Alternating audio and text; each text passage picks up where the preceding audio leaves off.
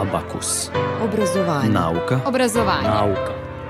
Urednica i voditeljka Mirjana Damjanović-Vučković. Dobar dan. Vreme za nauku i obrazovanje. Novo zanimanje na drugačiji način. To bi mogao da bude jedan od podnaslova današnjeg abakusa. Influenceri na internet platformama, na društvenim mrežama plasiraju svoja mišljenja o različitim proizvodima, hrana, šminka, garderoba, kao i o društvenim i političkim temama. Redko o svom iskustvu i borbi sa kancerom. Za Abakus govori i kancer influencerka Nastasija Nedimović. Dobar dan, hvala vam što govorite za Radio Novi Sad. Dobar dan, hvala na pozivu i čast mi što sam ovde. Govorit ćemo danas o knjigama, vaše dve knjige, o inspiraciji, promenama, optimizmu, strahu, ishrani, porodici, sportu, novim tehnologijama, učenju, borbi, e, koja je, kako ste vi u jednom intervju rekli, bila mic po mic. A pričam da krenemo iz Bečeja, vašeg rodnog grada, sada živite u Novom Sadu, a Beče i Waterpolo dobro se slažu. Uf, i tekako. Sviđaju mi se sve teme koje ste nabrojali. Baš se onako uklapa u tu celu moju priču. Baš se radujem što ćemo da razgovaramo, jer su stvarno jako važne teme. Waterpolo, da krenemo od sporta. Waterpolo, pa dobro ste rekli da, da se Beči Waterpolo baš pogotovo u to vreme onako se dobro slagalo. M moj brat je u stvari krenuo na Waterpolo i onda sam ja posmatrala sa tribina tu uh, ovaj, da kažem, taj sport onako koji mi se učinio, ne znam, baš nekako kao da je za mene, jednostavno mogu ni da kažem da sam se zaljubila u taj sport, stvarno, valjda zbog te borbe, a izgleda da sam ja nekako tako rođena pod nekom zvezdom gde očigledno volim borbu i i ide mi, da tako kažem. Nisam rekla u najavi da ste bili reprezentativka Srbije jeste, u Waterpolu. Jeste. Tako je, da. Pa jedan prelep period mog života, stvarno e, ogromna ljubav prema sportu, naro, mislim naročito Waterpolu, gde sam onako i proputovala i upoznala fantastične ljude s kojima sam i dalje e, prijatelj, naročito e, te devojke iz Bečeja, iako je prošlo eto, baš jako puno godina, ja sam od desete godine na Waterpolu, do 20. sam trenirala, od 14. godine sam profesionalno, e, tad sam u stvari ušla u reprezentaciju Srbije, ja mislim da je tad bila i Srbija i Crnogora u stvari.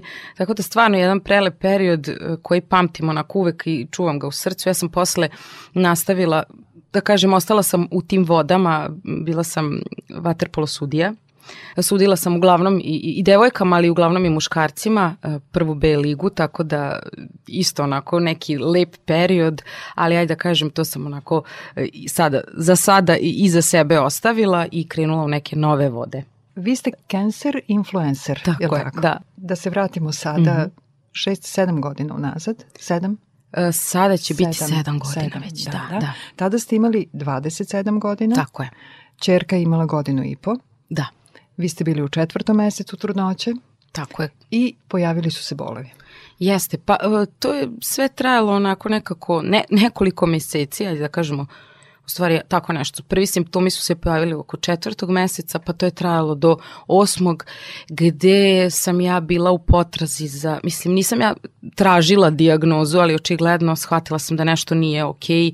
Um, pojavila mi se anemija, ja sam redovno išla na kontrole i kod hematologa, baš zbog te anemije, a naravno i kod ginekologa koji su mi u stvari uputili ovaj, kod hematologa da nešto kad su mi vadili krv videli su da nešto nije okej, okay, tako da sam ja redovno išla na kontrole, ali nikako nisam znala o čemu se radi. Mislim, stvarno ni doktori e, stalno su čekali da, da izgurem ja trudnoću pa ćemo da vidimo šta je. Ja sam dobila tu neku terapiju i diagnozu pogrešnu, hemolitička stečena anemija. Uh, koja je, to kažem, pogrešna, nažalost, ali volela bih da se sve to saznalo ranije, jer ne bih e, doživela takve bolove, a s druge strane, opet mi je, mislim da tada da sam saznala ranije, možda ne bi bilo mog vuka, možda bih morala da sklonim dete ili tako da nekako se ipak sve namestilo kroz možda patnju i bol, namestilo se da na kraju bude sreća, ljubav, radost. Eto,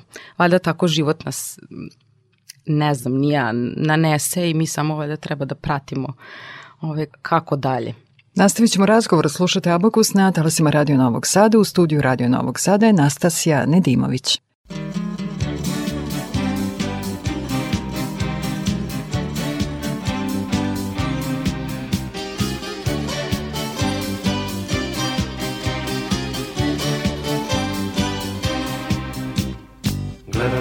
Nad Sremi Bačku Struške gore Gledam tako, a u duši lom. Tu je nekad, kažu knjige, bilo more Čekalo me pa presušilo. Rođeni sam more plovac ko Magellan Ili još bolje ko Admiral Cook.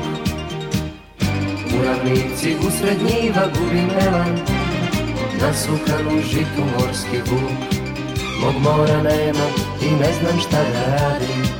Moj stari kaže da ni dura nije loš. Mog mora nema, ali ja živim u nadi Da možda ipak negde srećemo se još. Život mi je zato gorak kao tonik Tuga moja bez kraja i dna. Al na sreću tu je mesec svetionik Vodi me kroz plave vode sna Pogrebaš mene da tako nešto snađe? Ovo je priča i za suze i za smeh Poneki mornar možda ostane bez lađe Ali bez mora to je izuzetan peh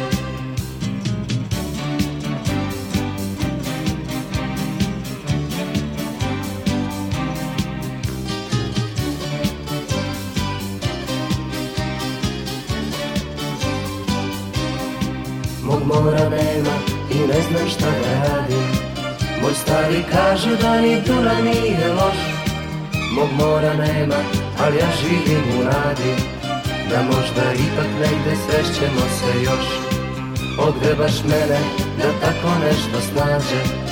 Ovo je priča i za suze i za smeh. Poneki mornar možda ostane bez lađe Ali bez mora to je izuzetan pek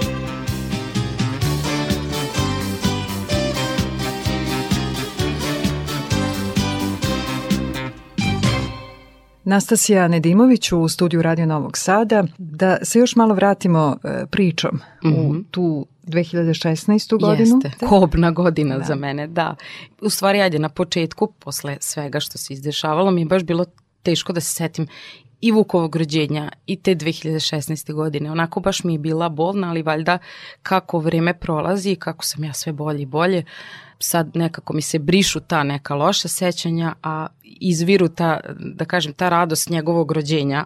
A što se tiče uh, još nekih simptoma, eto, koje bih naglasila, uh, pored anemije, ja sam imala i išijas u jednoj nozi, pa se pojavio išijas u drugoj nozi. I to, kažem, tu prolazi vreme, prolazi i sad idem na magnet i tu govore kako je beba nagnječila živac možda i sve se pripisuje nekako trudnoći, pa neobjašnjiv taj umor. Neverovatno koliko nedostatak hemoglobina u stvari može da utiče toliko na nas, toliko da budemo umorni. Onda su se pojavili ogromni spazmi u, po celom telu, najviše na leđima.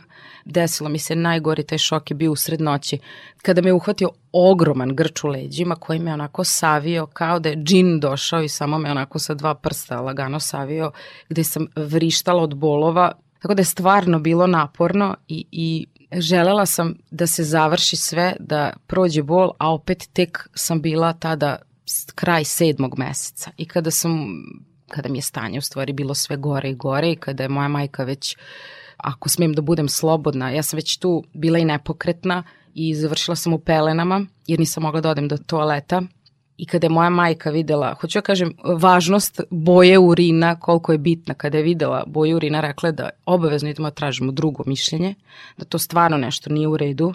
I poslušala sam je, ali mogu da kažem, bilo mi je malo teško, zato što je nija čerka bila tu, pa jao šta ću ja u bolnici, znate ono, bit će to bolje i tako dalje, ali ne treba da stalno to sklanjamo u stranu i da guramo, već kad nešto opasno shvatimo da nije u redu, onda stvarno treba potražiti drugo, ako ne i treće mišljenje.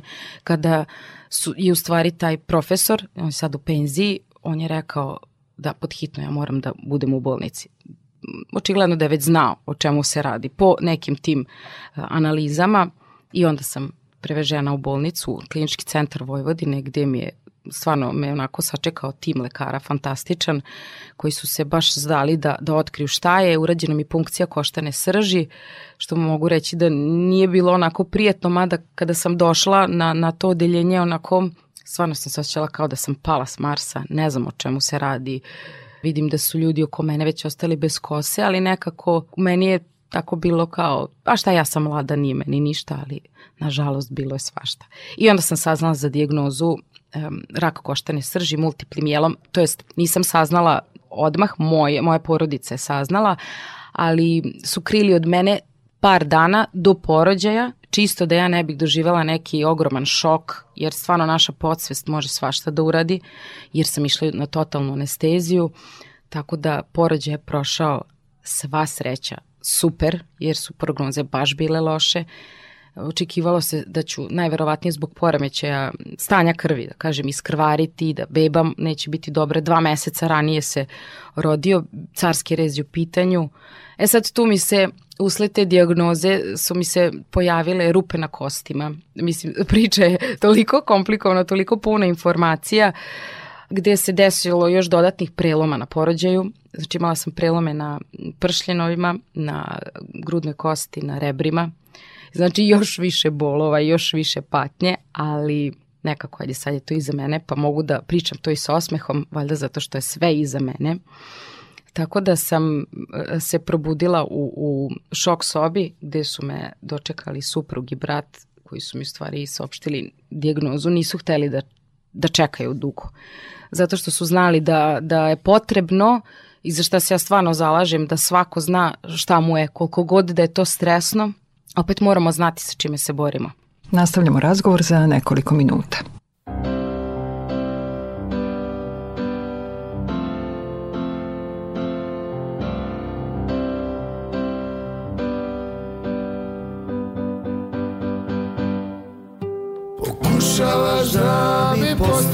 Refren, ali ja ti to neću dati. Pokušavaš da mi postaneš refren, al drugog tu nađi. Godinama furamo bolesti i laži Tunel bez kraja, a ti jedno tražiš. Pokušavaš da mi postaneš refren, ali ja ti to neću dati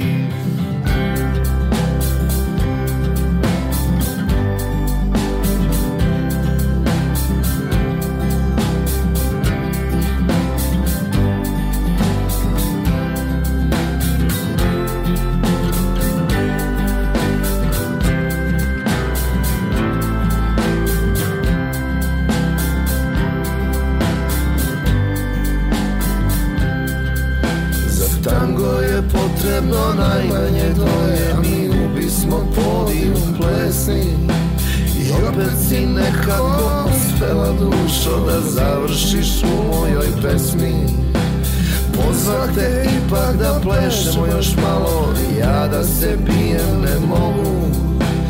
Nisam osvojio zlatnu medalju Jer stalno mi podmećeš nogu. Godinama furamo bolesti i laži tunel bez kraja, a ti jedno tražiš. Pokušavaš da mi postaneš refren, ali ja ti to neću dati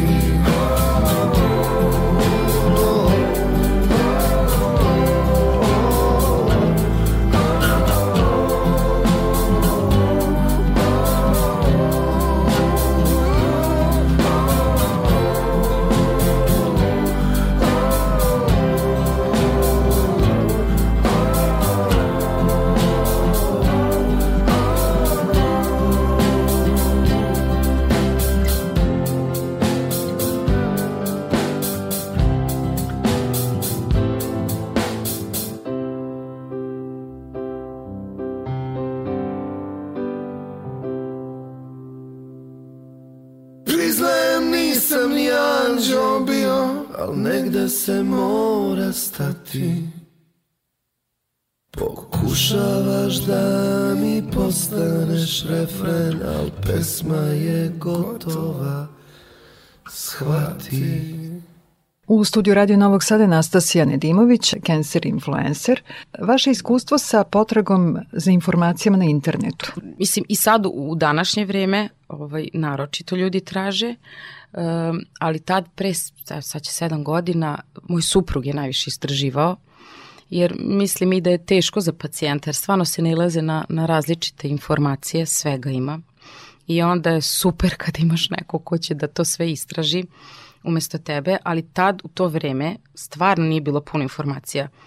generalno o kancerima, pogotovo kod nas, da je neko pričao o tome, to je baš bila tabu tema, čak o toj dijagnozi koja je tad pre sedam godina bila baš redka dijagnoza, koja najviše pogađa muškarce iznad 65 godina, crnce, tako je to stajalo, znači tad je tako pisalo, što je onako kod mene jel, van svake pameti, jer nisam ništa od ta tri. I još sam toliko mlada, pa trudnoća, a sada je multipli mijelom, mislim da je druga po, ovaj, kako da kažem, učestalosti, učestalosti jel tako, od krvne, krvnih mhm. bolesti, pa sad možete da verujete koji je to porast za sedam godina pogotovo u Srbiji, što je ovaj, baš strašno. I svu tu svoju priču, znači preko Instagrama sam i započela baš iz tog razloga zato što smo mi na početku bili znači potpuno izgubljeni, mislim svi su izgubljeni, ali nismo mogli da dođemo ni do jedne informacije i najviše mi smetalo to što se kako da kažem, ajde u inostranstvu još i toli, tad se i pričalo o kanceru, ali ovde to bilo sramota, što nije sramota kad se razboliš i toliko je bilo teško na početku dopreti do ljudi, ali vremenom su ljudi nekako prestali da se plaše toga, što mi isto bio cilj. I ta reč kancer meni je pre baš bila teška, strašna. Rak, na primjer, isto. I stvarno, neverovatno je koliko jedna reč može da ima težinu na, na, na našu dušu, kako da kažem. I sada kada kažem tu reč mi je onako kao da sam rekla papir, na primjer, eto, što mislim da je s jedne strane velika pobeda. Tako da, eto, ceo taj moj Instagram profil je nastao iz te želje da ja nateram ljudi da pričaju o svemu, da nije sramota da ako se razboliš, da nije sramota ni potražiti pomoć i da razmenimo svi iskustva. Mislim da je to, jer svi smo različiti opet, imamo različite i diagnoze, ali opet smo nekako u istoj priči i da psihički pomognem ljudima, da ih motivišem, inspirišem, sve te teme koje ste naveli da ćemo danas pričati o njima. Iz dana u dan raste broj pratilaca, sada ih je više od 216.000. E, jeste, jeste, što je s jedne strane, meni je drago što se skupio toliki broj ljudi, naravno, ali s druge strane opet znate šta to znači kada me prati toliki broj ljudi, a ova je tema u pitanju. Mada opet moram da naglasim da nije, nije ogroman broj pratioca samo da su ljudi koji imaju neke problema sa zdravljem. Jako mi je drago što sam uspela da dopremi do ljudi koji su zdravi, ali jednostavno žele neke promene u svom životu i žele dnevnu vrstu inspiracije i motivacije i bude mi baš puno srce zbog toga. I tu onda dolazimo do jedne od tema, to je učenje. Vi ste, da biste došli do i ovolikog broja pratilaca i do rešenja za da. svoj zdravstveni problem da. morali mnogo da učite. Pa jeste, da. Sva sreća imam tu uh, Nemanju, svog supruga, koji je onako ogromna podrška, a naravno ne mogu ja sve sama. U početku i jesam sama, ali onda je on počeo sve više naravno da se interesuje oko toga, kad je vidio koliko ljudi meni piše i dobijam povratnu informaciju koliko sam im pomogla u nekim stanjima. Mislim, to sad može biti samo, ne znam, obična bol u grlu, ali tako neke te stvari koje ljudima olakšam im dnevni život i baš, baš budemo onako srećni zbog toga. Učimo puno, da, čitamo, gledamo podcaste, e, to jest slušamo, gledamo kako god. Sad ima sve više i više naučnika, stvarno. Dobro, ima i kod nas, ali ima tu dosta stručnjaka iz inostranstva koji uh, su onako e, baš jako stručni ljudi, ali umeju to da predstave nama koji nismo, mislim, naučnici, umeju da nam onako spuste, ali da kažem, na naš nivo da objasne stvari, što je fantastično, dolazimo do stvarno dobrih informacija, samo je bitno gde tražiti. Ali bilo koji savet da ja kažem, ispričam, pokažem na Instagramu, nikada nije da ja nešto nisam isprobala svašta sam isprobala oko ishrane, oko gladovanja, o, sve što sam mogla ide i naravno mislim da ceo život učimo i da imam još mnogo toga da isprobam i da iskusim i da prenesem drugima. Nauka. Obrazovanje. Obrazovanje. Obrazovanje. Nauka. Abakus. Svakog jutra sunce izađe Ona me kraj sebe pronađe Probudi se pa me pogleda. Tad je najljepša Tad me prođu slutnje najcrnje. Sve se oko mene okrene. Jer me ona tako pogleda. Jer je najlepša. Kada hoće ona ume da Da me nosi sve do oblaka. I do sunca i do meseca.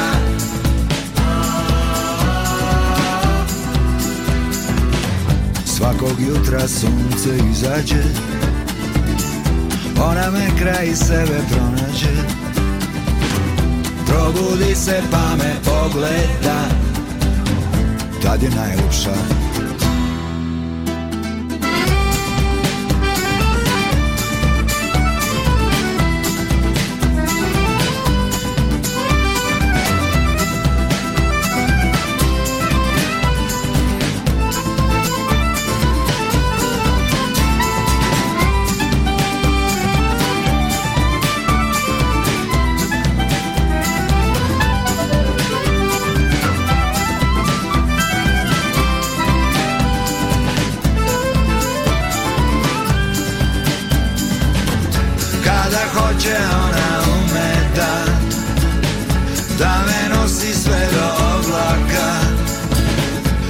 do i do meseca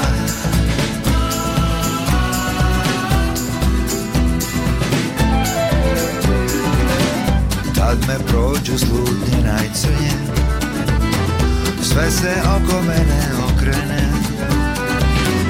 Jer me ona tako pogleda. Jer je najlepša. Abakus na talasima Radio Novog Sada. U studiju Radio Novog Sada Nastasija Nedimović, cancer influencer. Možete je naći kao cancer.influencer. Tako je, tako je. I već smo rekli pre nekoliko minuta, do ovog momenta više od 216.000 pratilaca. Jedan od rezultata vaših aktivnosti jesu i dve knjige. Jeste za sada dve, ali priprema Aha, se treća. treća tako je, da. U pitanju je prva knjiga koja je nastala, Imunomanija se zove, više od kuvara, tako sam je nazvala, a ona je nastala tako što, bukvalno da kažem, na, na zahtev mojih pratilaca, gde sam ja onako objavljivala neke recepte, svašta nešto što sam isprobala, izmenila, naravno, najmanje i deca su bili tu, ovaj, da kažem, degustatori, jel tako, oni su isprobavali, svašta govorili, ovo ne, ovo da, iako, ajde da kažem, imamo svi različite ukuse i onda jednostavno ljudi su mi počeli da mi pišu, pa ne možemo više da screenshotujemo, ne možemo da prepisujemo, hajde to, ti sve u jednu knjigu. I ja sam kao, pa hajde napravit ću e-book, ali onda sam shvatila koliko ljudi u stvari što je meni izuzetno drago, se vraćaju na, što kažu, volim, volimo mi da liznemo papir, da okrenemo stranicu. I meni je to toliko bilo drago i, i hajde ja, rekao, hajde, odštampaću knjige i tako sam ih ja nekako i kreirala. Meni su onako zgodne, da kažem, i format i sve, svima se sviđa, što mi je izuzetno drago. I tako je krenula priča o knjigama i onda sam došla na ideju da napišem Smutimaniju. To je enciklopedija 100 šejkova. Uh, ali ajde da, nisam, nisam u stvari rekla čega se tiče imunomanije, to sam zaboravila pre nego što pređem na smutimaniju. Znači, to su neki recepti koje, što se tiče, ajde da kažem, to je moja ishrana koja, ja, za koju ja smatram da je, da kažem, neki balans i kako bi trebali svi mi da se hranimo uh, najbolje je da se isključi industrijska hrana, tako prepuna aditiva. Da kažem, to je prvi početak prelaska na neku zdravu ishranu. U pitanju su recepti bez belog brašna, bez e, kvasca, bez šećera, veštačkih zasađivača, bez mesa. E sad ovako, najlakše ispeći parče mesa ako neko jede. I moji isto jedu, deca i Nemanja isto jedu meso, ali meni je bila poenta kod ovih recepata da se što više povrća uključi, jer stvarno nam svima nedostaje na dnevnom nivou količina povrća e, i da dam ljudima ideje. I lako se pripremaju, nisu neki, što kažu, neki ljudi me pitaju kao, tu, je li ide prah od jednoroga, to mi je najveća fora bila, kad je neko rekao, rekao, ne, to su najstandardniji, mislim, sastojci koji uvek mogu da se zamene s nečim drugim što imaš kod kuće, ali to je neke pa podsjeća na možda mediteransku kuhinju, kažem i na, našu neke tradicionalne recepte, ali je pripremljena na zdraviji način. A što se tu, tiče smutimanije, ona je neki dodatak na imunomaniju, znači rekla sam da je enciklopedija 100 šejkova, ima deo za detoks, diabetes, za decu, za seniore, um, za konstipaciju i za podizanje energije, tako sam ih podelila. I stvarno ima eto 100 fantastičnih ideja, svakakvih kombinacija, gde naravno isto je bez šećera i veštačkih zaslađivača, znači to je nešto onako da kažem više za poneti zgodan nastavak i eto sad pišem i treću knjigu Imunomaniju 2 koja će biti onako još, uh, još šira. Eto u Imunomaniji ima preko 140 recepata, ovde mislim da će biti još više, još više saveta i o suplementaciji, planovi ishrane, tako da baš se radujem, baš se radujem projektu novom. A čime ste se bavili do, do te 2016. godine, osim vaterpolom, da, to smo već rekli? Da, pa pored toga sam radila i u fotolaboratoriji ovde u Novom Sadu u podzemnom prolazu i nisam školovana za to, ali sam, da kažem, naučila, pošto volim jako izazove, volim nove stvari da učim i nekako, apsolutno ništa nisam znala o tome, ali evo, na primjer, knjige su, sam ja sama radila dizajn u Photoshopu, tako da, eto, tad sam, na primjer, naučila to i nisam ni znala da će mi se jednog dana desiti ta bolest i da ću napisati knjige, ali eto ga, rezultat na kraju tog truda i rada. Nauka. Obrazovanje. Obrazovanje. Obrazovanje. Nauka. Abakus. prozoru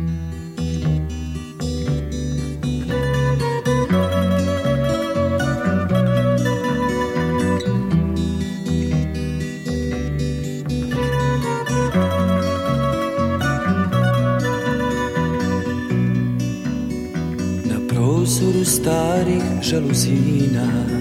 Sa cvećem u ramu kao na slici Što prodaje se u radnji staklara U kući od kamena u običnoj luci Živela je na sunčanoj strani ulice.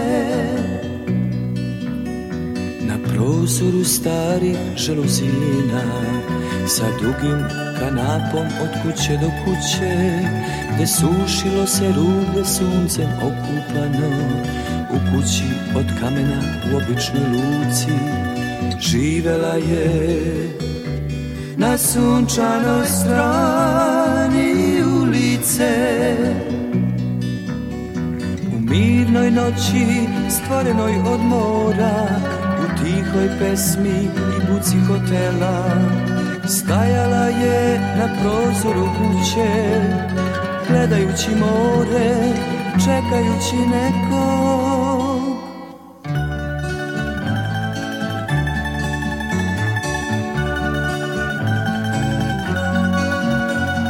Na prozoru stari žaluzina Bez sveća u ramu zatvorenim pustim Što ga niko otvoriti neće kući od kamena u običnoj luci Živela je na sunčanoj strani ulice Živela je na sunčanoj strani ulice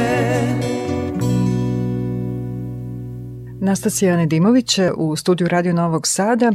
Vi sada govorite i o dijagnozi koju ste dobili i o periodu koji je bio jako, jako težak, ipak sa nekom lakoćom. Svakako da, da sad ja ovo pričam sa osmehom na licu, sa jer jednostavno sam samo srećna što sam ovde i što sam na planeti, to uvek volim da naglasim i možda tako zvuči kao da je bilo lako, ali apsolutno je da nije tako i čak ni dan danas, mislim nije lako svi mi strahujemo, naravno, ja sad više nemam te dnevne strahove, da kažem. Kad kažem dnevne, mislim na to da si pod pritiskom svaki dan, ceo dan i da ti to tako, kako da kažem, kao da imaš neki kamen ogroman na leđima i da, te, da si non stop u strahu što je bilo na početku. Non stop misliš na to što se, de, što se desilo. Stvarno treba vremena da se iščupaš iz toga, ali to, to su godine i godine rada na sebi, na emocijama, podrška najbližih i išla sam na kontroli, ide mi sada, evo, posle toliko godina, svaka tri meseca, jer jednostavno to je hronični je kancer i nije lako. ti svaki put strahuješ kakvi će biti rezultati. Iako se ja stvarno svih ovih godina osjećam fantastično, što ništa nije moglo da ukaže na neke loše rezultate, ali ja da kažem, na, na tom početku kada sad posle transplantacije koštane srži opet treba da vidiš kako se to sve odvija sad u tebi, da li se to primilo da tako kažem Imali ste i hemioterapiju? Jesam. Ja prošla sam šest ciklusa hemioterapije i nakon toga sam onda isto ovde kod nas uradila transplantaciju koštane srži. To je autologna transplantacija gde si sam sebi donor, što je opet da kažem nekako ajde, lakša varijanta u smislu ne zavisiš od donora, nego se, ali, a s druge strane i teža jer se tebi vade matični ćelije, što apsolutno nije prijatno. Ti se postavlja neki e, kateter u vrat, pa se vade te matične ćelije, pa se prima ta visokodozna terapija, tako da nije lako, ali ajde da kažem, opet imaš sam svoje ćelije koje se, ajde da kažem, laički sve pročiste i onda se vrate tebi isto ovaj, kroz taj kateter ali posle toga u stvari je najteža borba, jer tada kada ti se vrate tvoje matične ćelije, imunitet je ravan nuli, apsolutno. Tad si u stvari u izolacionom bloku, sam u četiri zida, u pločicama, gde apsolutno, eto, ni prozor ne može da se otvori, tako da i tu je još da kažem, jedna vrsta psihičke borbe, jer dovoljno je što si sam, što si daleko od svoje dece koju, eto da kažem, Vuka sam videla par puta do tada. Imao je, na primjer, sedam meseci tad već kad sam ja bila u bloku za transplantaciju, pa nekako žudiš za njima, a opet s druge strane ti si fizički katastrofa, tako da je stvarno onako borba na dva fronta. Ali tada, u tim momentima, shvatila sam da moraš, što ja inače nemam strpljenja apsolutno, ali sam se naučila strpljenju i moraš da živiš čak ako ne mogu da kažem dan za danom, onda možda sat, pa sat, pa sledeći sat i stalno govoriš sebi, bit će bolje, bit će, proći će. Nekome treba malo više vremena, nekome manje i sve zavisi od organizma do organizma, ali prođe. Uvek na, na kraju, znači posle kiše, kako kažu, dođe duga. To je ono što ste u jednom intervjuu nazvali mic po mic. Tako je, mic po mic, jer nema, mi smo tako, nestrpljiva smo bića i mi bismo rezultate preko noći, ali volim isto da kažem da koliko godina, meseci, sad sve zavisi kod koga, je trebalo da dođe do tog stanja, znači kancera, koliko je nama trebalo da se razbolimo dugo, mi ni ne znamo, neko nosi to po 5, 6, 7, 8, 9, 10 godina, čak sam čula, neke tumure u čaure, ne, na primer, a mi bismo se da ozdravimo, eto, ajde sad, još za pola godine to je onako kao još i puno. Stvarno bismo rezultate preko noći, ali ne ide to tako, apsolutno. Nema instant rešenja. Nema instant rešenja i to moramo, a sve više instant svega kod nas, jel tako, kako i zovu ove naše nove generacije, instant generacije, to stalno pričam deci.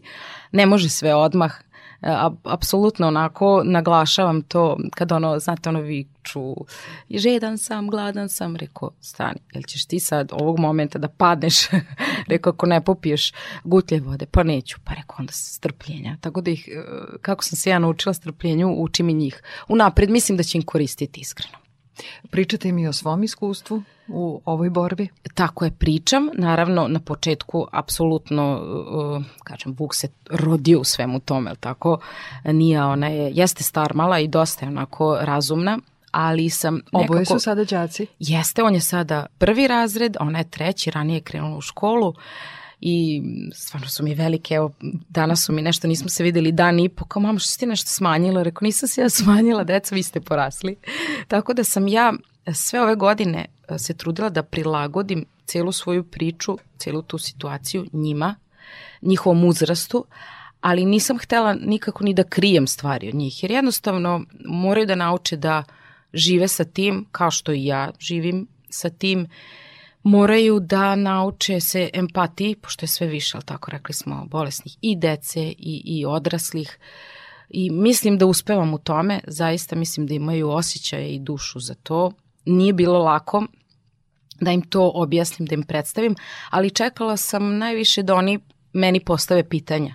Jer, na primjer, ja i Vuk imamo uh, fotografije kad je on bio beba gde smo oboje bez kose. Uglavnom su nam takve slike. Mislim, meni je to toliko sad fantastično što ja, to mi je majka stalno je ona bila, ajde da se slikate, a ja ono, mislim i mrzovoljna i nemoj sada ovo, ali opet kao mama je uvek u pravu, jel tako? I drago mi je što sam je poslušala, jer apsolutno je nebitno da li sam ja tad imala kosu ili ne, mi imamo tako smešne i lepe slike i, i snimke naravno, tako da mi je baš drago što sam to zabeležila i eto, apelujem ljudima da kakvi god da smo fizički, apsolutno nije bitno, dajte što više uspomena, eto, bar sad imamo telefone i čuvajte te uspomene, naravno i u srcima, ali nije loše nekad i pogledati.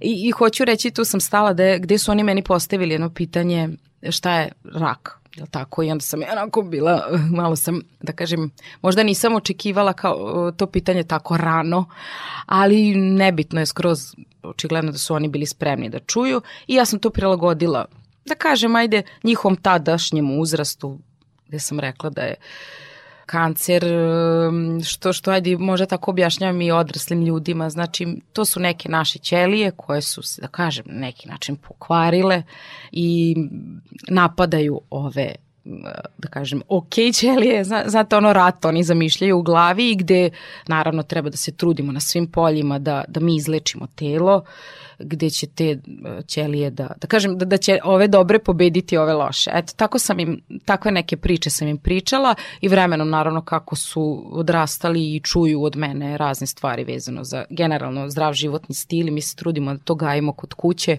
mislim da stvarno uspevam u tome, ne branim im, pošto me to često pitaju, neke slatkiše u smislu kad odu na rođendane ili tako neke prosleve, apsolutno to mislim da je to neki taj dodatan pritisak gde ja ne mogu da idem za njima sad u školu, e nemoj ovo, mislim da to nije isto ni zdravo za njih, najviše za njihovu psihu, jer kad tad će se oni upoznati sa, jel tako, tim stvarima i onda da ne bi bilo ono, ajde sad da se prežderavamo tih stvari, na primer, nego nekako kod kuće vodimo računa sve bude zdravo, da imaju tu bazu, da znaju šta jedu, da znaju, ja ih učim stalno, e ovo ti je dobro za ovo, ovo je dobro za ono, pa kvalitetno spavaj, pošto su i džudisti, tako da rekao, ako hoćeš rezultate, mora, mora, trud, trud, trud.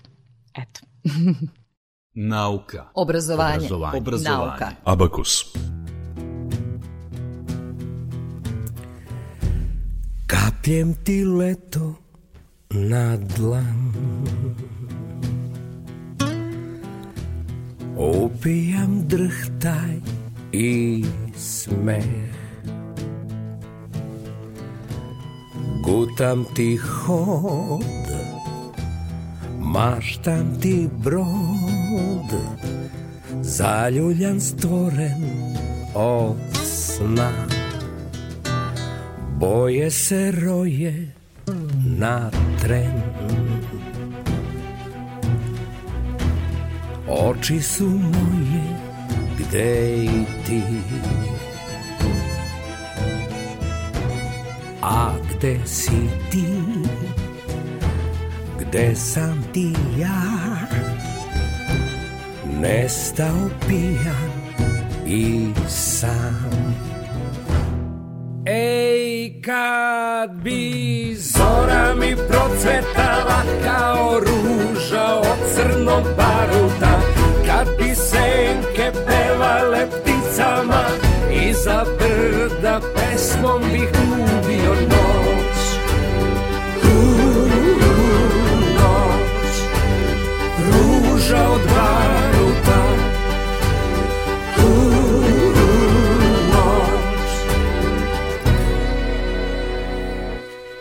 Kapljem ti mene na san. Uvijam suze u smeh. Milujem noć Kad ću ti doć. Zaljuljan dignut sa dna. Ako zora zaluta Kao ruža od crnog baruta. Ako senke pevaju pticama Iza brda pesmama ubijam noć. Noć. Ako zora u meni zaluta Kao ruža od crnog baruta pevaju pticama Iza brda pesmama u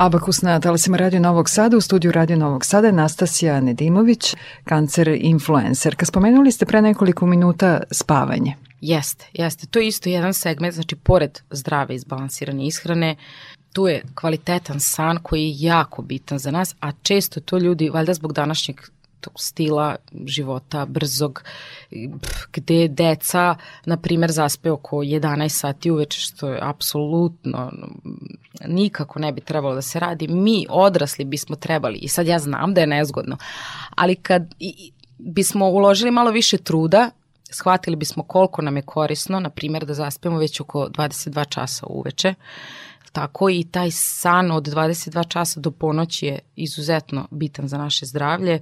Čak i da se probudimo u 3 ujutru, kažem, bitno je, bitnije je u stvari kako spavamo, koliko kvalitetno spavamo, od toga koliko dugo spavamo. Možemo mi 12 sati spavati, ali ako je to od dva ujutru, je tako, pa ko zna do kada, nije isto. I trebali bismo više da poklonimo pažnje kvalitetnom snu. Ja znam da se ljudi onako da im bude teško, pa kako da ustanem, i jeste taj prelazak teži, ali kada shvatimo koliko se mi bolje osjećamo kada kvalitetno spavamo i kada obratimo pažnju na taj segment, onda verujte mi nastavljate u tom stilu. Vi ste mnogo naučili tokom ove borbe i da više cenite stvari koje nam se većini podrazumevaju, Jest. kao što je i korak, učili ste da hodate. Tako je. Posle, tako. Tad posle porođaja usledila hemoterapija. Da. da, da, da, da. Bio je problem da podignete glavu sa jastuka. Jeste, jeste. To, toliko mi je sve atrofiralo od ležanja, mesecima sam ležala da je meni uh, bio uspeh kad sam podigla glavu sa jastuka, iako ja nisam imala problem u smislu e, kao neki ljudi sad da ja nemam, na primjer, vezu tu, da apsolutno ne mogu da se pomeram, nego jednostavno atrofiralo je sve i telo kao da me je čuvalo, ono kao u fazonu, zato sam imala te spazme, steže me sve, boli, nemoj se pomerati, kosti su ti krhke, pućiće. Tako da sam iz druge strane i zahvalna za te bolove, ovaj, jer su me nekako, mislim, spasile i sećam se da sam se trudila da vežbam i, i u toku hemoterapije.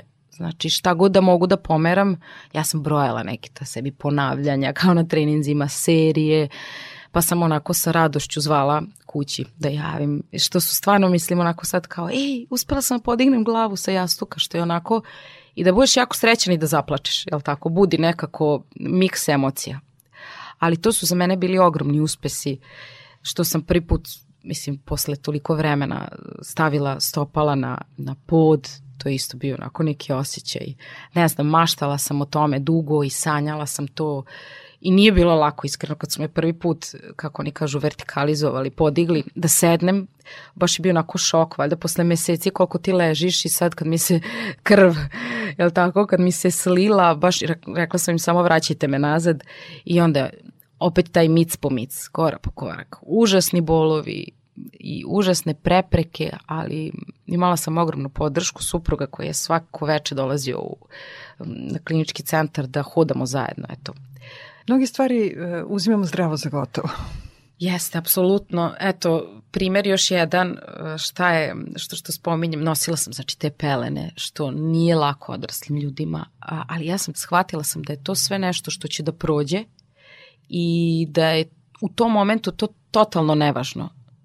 I da je to najmanji problem, što si ti ostao bez kose, što ti je kičma kriva, što sam se eto smanjila 8 cm, na primjer nisam se kupala 5 meseci, eto što je isto jedna činjenica, samo sam, su me onako prali da kažem, sa krpama, tako, majka je dolazila često u bolnicu isto da pomogne i onda taj prvi put kad sam se okupala, sećam se da je mama bila pored mene i da smo plakale sad, da li je bilo od sreće, da li od tuge, ja ne znam, ali kad sam osetila, to što kažete, ne, ne cenimo stvari, sve uzimamo zdravo za gotovo, pa taj mlaz vode kad je preko mene, ne možete zamisliti koja, ovaj, koji pogled drugačiji na svet imam. Ali i dalje to čuvam sve u glavi. Nije ono, znate, kao prođe vreme, pa ma hajde kao sve to, vratimo se na, ne. Stalno ja sebe podsjećam gde sam bila tada, gde sam sada i koliko truda je trebalo za to i da ne bacim to u vodu tako bez veze. Vi ste vežbali i kada ste bili u sobi za izolaciju, ali tako, u yes. pripremi za, za transplantaciju? Jesam, zato što sam stvarno imala ogromne bolove i znala sam da pa tamo ajde da me čeka nekih mesec dana sigurno u izolacionom bloku i gde sam znala da nije dobro, pošto znam već imam iskustva s tim kada ne treniraš, koliko vremena treba tebi da se vratiš u sve to, a ja sam bila u debelom minusu, tako da nisam imala vremena za gubljenje i onda sam se trudila da ko, šta god da mogu, koliko god da je moje moći, jel tako, da se prodrmam tamo, razdrmam, da hodam po sobi. Onako se osjećaš malo i kao neki, ne znam, hrčak, tako, u onom, super bi bilo da sam imala neku traku tamo da mogu da ovaj, šećkam, ali da, apsolutno, i to me nekako izvlačilo psihički. Svako ima nešto svoje, ne znam, ljudi su tamo crtali, bojili, gledali filmove, ja baš i nisam mogla nešto filmove, serije, čak i neke omiljene humorističke serije, na primjer serija Prijatelji. Ja, to je nešto neverovatno, toga se setim nekad koliko ja gledam to i nije mi ništa smešno. A obožavala sam tu seriju i sad je obožavam i gledam je ono već hiljaditu sezonu, onako vrtimo u krug, ali neverovatno koliko tada mi nije prijalo to eto ga jedan isto zanimljiv deo. Vi se sada aktivno bavite sportom. Tako je, da. Meni je jedan uh, sjajan ortoped rekao da jedini koji me podržao u svemu tome, pošto obično uh, hematolozi u, u tom nekom strahu, jer su viđali ljudi u svakakvom stanju i znaju šta ta dijagnoza može da napravi kostima i kako lako ljudi mogu da žive prelome, na primer, um, brišu prozor, i eto taj pritisak možete misliti koji je to pritisak da im pukne koska, tako, u, u na primjer ruka. I onda su oni meni rekli nemoj ništa trenirati, ne, ne, ne, ne, ne. jednostavno iz straha, ja to razumem, ali ja sam znala da ja ako želim da se oporavim, da ja moram da se da, da se vratim polako, ali tako na, na treninge Naravno, imala sam i podršku i brata koji je personalni trener i suprug je u fitnessu isto. I ja imam sama iskustvo u svemu tome. I ja, kažem, taj ortoped je rekao, da mi je odnos ovako, kaže, koliko meseci ležiš, toliko ćeš se godina oporavljati, što smo mi izračunali negde 8 godina. I ja sam bila u fazonu, ma kakvi ja ću to sve ranije. I jeste, ja sam se stvarno super oporavila, evo sad ide mi na te neke trke sa preprekama, sve to okej, okay, ali nisam ja još blizu. Imam ja još sigurno ti godinu dana. Tačno je doktor uh, rekao i, i bio je u pravu, neverovatno, evo, 8 godina da treba uz konstantan rad tebi treba da se oporaviš, da ti se kičma vrati na mesto. Jer on je rekao meni, ako ti želiš da sačuvaš sve kosti, ti moraš da vežbaš, da svi ti mišići, jel tako, nekako budu potpora za kosti. Sa početka današnje emisije ja sam spomenula knjige, inspiraciju, vi ste nam inspiracija, promene, optimizam, čuli smo ga, strah, nismo, ishrana, porodica, sport, nove tehnologije, učenje, borba – I moram vam reći na kraju današnjeg razgovora da e, smo u emisiji o nauci o obrazovanju danas mnogo naučili od vas. Hvala vam na tome. Hvala vama i izuzetno mi prije ovaj razgovor. Nadam se da će pomoći ljudima eto i putem radija da, da čuju um, i da, da budu inspirisani za nekim bar promenama u životu. Hvala. Nastasija Nedimović, hvala vama.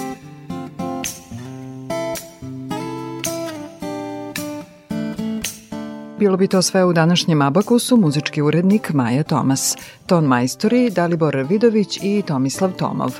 Ja sam Mirjana Damjanović-Vučković. Prijatno i svako dobro. Ispod moga pranca Jutro zapleteno u dubinama Kao lice stranca Naboralo se more u daljinama kao tempera. Kiša nebo oboji. Takve je boje srce moje Od kad me ne voliš. Tempera. Kiša nebo oboji. Takve je boje srce moje Odkad me ne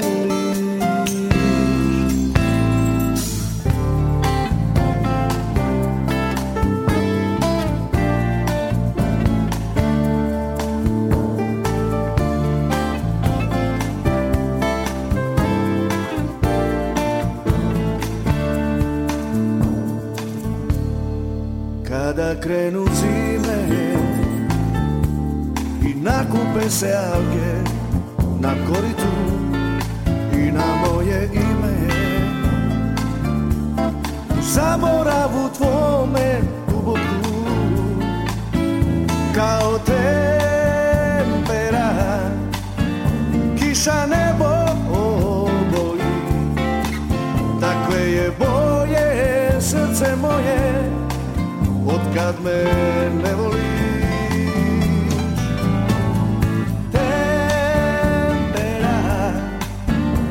Kiša nebo oboji Takve je boje srce moje. Odkad me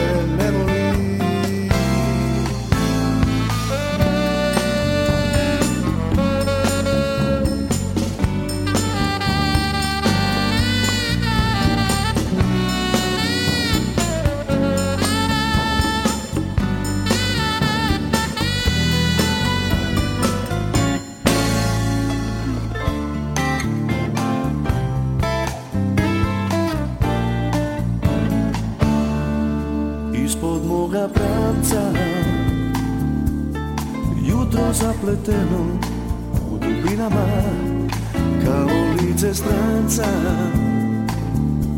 Naboralo se more U daljinama Kao tempera. Kiša nebo oboji Takve je boje srce moje Odkad me